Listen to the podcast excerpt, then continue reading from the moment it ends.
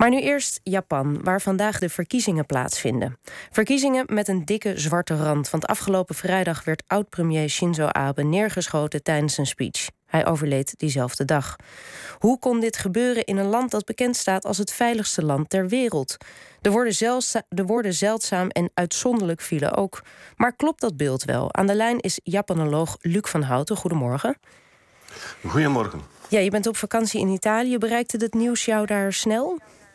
Uh, dat bereikte me vrij snel. Ja. Ik zat uh, net aan het ontbijt uh, naar de Tireense Zee te kijken toen ik werd gecontacteerd met door allerlei Belgische kranten en, en, de openbare omroep in België. Ja. Toen, ja, ik heb toen alle media aanvragen voor media-interviews geweigerd, omdat ik, precies omdat ik met vakantie was. Maar, toen je maakt een uitzondering voor ons. Voor de Inderdaad, ja. Om, ja. Omdat ik me toch... Ah, toen ik dan een beetje naar uh, de verslaggeving uh, begon te kijken... Uh, vooral dan in, in België begon ik me meer en meer te ergeren aan bepaalde zaken. En dit, jullie programma, dacht ik, is dan een mooie gelegenheid... om een en ander toch even te nuanceren en recht te zetten. Ja, want u zei, ik ben wat verbaasd over die woorden uitzonderlijk en, en zeldzaam. Um, want dat beeld klopt niet helemaal, volgens u. Vertel. Nee, ja, met name toen, uh, toen de NOS-correspondent Anoma van der Veren uh, beweerde dat zo'n schietincident zeer uitzonderlijk was en dat vooral uh, politici nooit het doelwit zijn, viel ik van verbazing bijna van mijn strandstoel. Want ik weet niet hoeveel premiers of ex-premiers in Nederland jij voor de vuist weg kunt noemen, die zijn doodgeschoten. Um, of vermoord. Um, maar in Japan is dat uh, toch een behoorlijk lijstje als je naar de, de, de 20e en de 21e eeuw kijkt. Want, bedoel, want wat is ehm, het eerste voorbeeld wat, wat, wat te binnen schiet? Nou, kijk, de allereerste premier van Japan, Hirobumi Ito is doodgeschoten in 1909. Dus de, toon was meteen gezet, gezet zullen we maar uh, zeggen, enigszins uh, cynisch. Dus dat was de eerste in 1909. Uh, in 1921 is premier Takashi Hara weliswaar niet doodgeschoten, maar doodgestoken. Maar dan in 1932, uh, Tsuyoshi Inukai, premier, uh, neergeschoten door jonge legerofficieren. En dan in 1936, bij het fameuze incident van 26 februari, zoals dat bekend staat, was er een poging tot staatsgreep, ook alweer door jonge legerofficieren. Uh, en toen zijn er op één dag vier, dus drie ex-premiers en de huidige premier neergeschoten, waarvan er twee zijn overleden. Dus nou, ik zou zeggen, uh, dat zijn precedenten genoeg. En je kunt zeggen, oké, okay, dat was dan voor de lijst. oorlog. Ja. Ja, ja, ik, ik denk, ik, ik, ik, in, in, Nederland of België kom je zover niet, uh, bij mijn weten.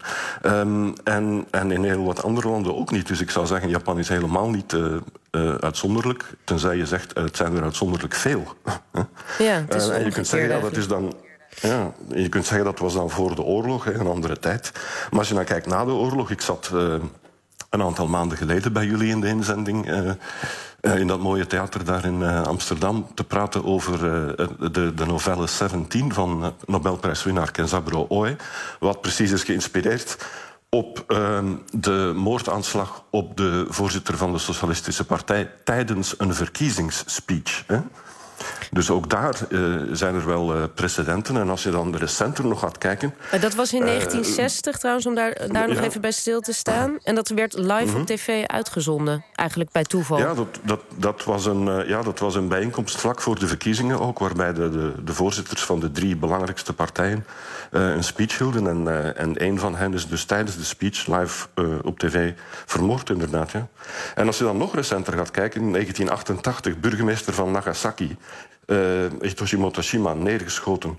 Uh, een andere burgemeester van Nagasaki in 2007 in de rug geschoten, tweemaal. Hè. Let op de gelijkenissen met uh, Abe. in volle verkiezingscampagne. Uh, en daartussendoor heb je, heb je nog een parlementslid van de Democratische Partij, uh, Koki Ishii, die is uh, doodgeschoten. Dus zelfs in de 21ste eeuw kan ik, kan ik voorbeelden opnoemen. Ja, dus, deze voorbeelden, dat... ja, deze voorbeelden kwamen ook wel voorbij in, in de Nederlandse media. En toch blijven die woorden van het is uitzonderlijk en zeldzaam... ook vanwege die strenge wapenwet in Japan... dat, dat blijft dan toch naar boven komen. heb je daar een verklaring voor? Uh, mijn verklaring daarvoor is dat uh, tegenwoordig uh, ja, heel wat journalisten of zelfverklaarde Japan-experts gewoon napraten wat hen wordt voorgekauwd vanuit bepaalde hoek. En dat wordt dan steeds maar herhaald zonder dat er enig, ook maar enig, enigszins historisch een en ander wordt gecheckt. Um, en natuurlijk het, die, die mythe van Japan is het veiligste land van de wereld, wordt natuurlijk vanuit een bepaalde hoek gestimuleerd. En natuurlijk het, het, tweede wat mij mateloos ergert, is dat er altijd maar vergeleken wordt met de Verenigde Staten. Natuurlijk, als je de wapenwet van Japan vergelijkt met die in de Verenigde Staten, dan is dat een verschil van hemel en aarde. Als je dat vergelijkt met de wapenwetgeving in België of Nederland, dan is dat verschil helemaal niet zo groot. Ik weet niet hoe het bij jou zit, maar uh, jij kunt toch ook niet zomaar naar een uh, winkel stappen en een, en een wapen kopen. Dus ook in Nederland en België uh, Wij hebben ook strenge wapenwetten. Uh, ja, precies. Ja. Het, is, het, het, is, het zijn de Verenigde Staten die de uitzondering zijn. Ja, ja. En, en, natuurlijk heb je, en dat lees ik ook nergens, je hebt natuurlijk het legale circuit. Maar er zijn ook illegale wegen om aan wapens te komen. En er bestaat in Japan natuurlijk ook nog zoiets als de georganiseerde misdaad, bekend als de Yakuza. En geloof me, die hebben wapens. Ja. En heel wat extreemrechtse groeperingen hebben heel nauwe banden met met die Yakuza. En veel van de uh, aanslagen gebeuren natuurlijk vanuit die hoek. Um, dus als die aan wapens willen komen, is dat uh, heus niet zo moeilijk. Uh, nu, tot slot, je, je, je, noemt dus eigenlijk een hele lijst van, van aanslagen op politici uh, in mhm. Japan, in de Japanse geschiedenis. Is daar een soort, het, het komt uit allerlei verschillende hoek, rechtsextremistische hoek. De mhm. burgemeester is slachtoffer geworden van de criminele mhm. misdaad van, van Nagasaki, die je eerder noemde. Um, is er toch een soort verklaring voor te geven wat jou betreft? waarom, waarom er veel aanslagen worden gepleegd op politici? Nou, natuurlijk, uh, je kunt, als je kijkt naar de motieven, uh, is het wel zo dat het voor de oorlog was het doorgaans uh, vanuit militaire hoek.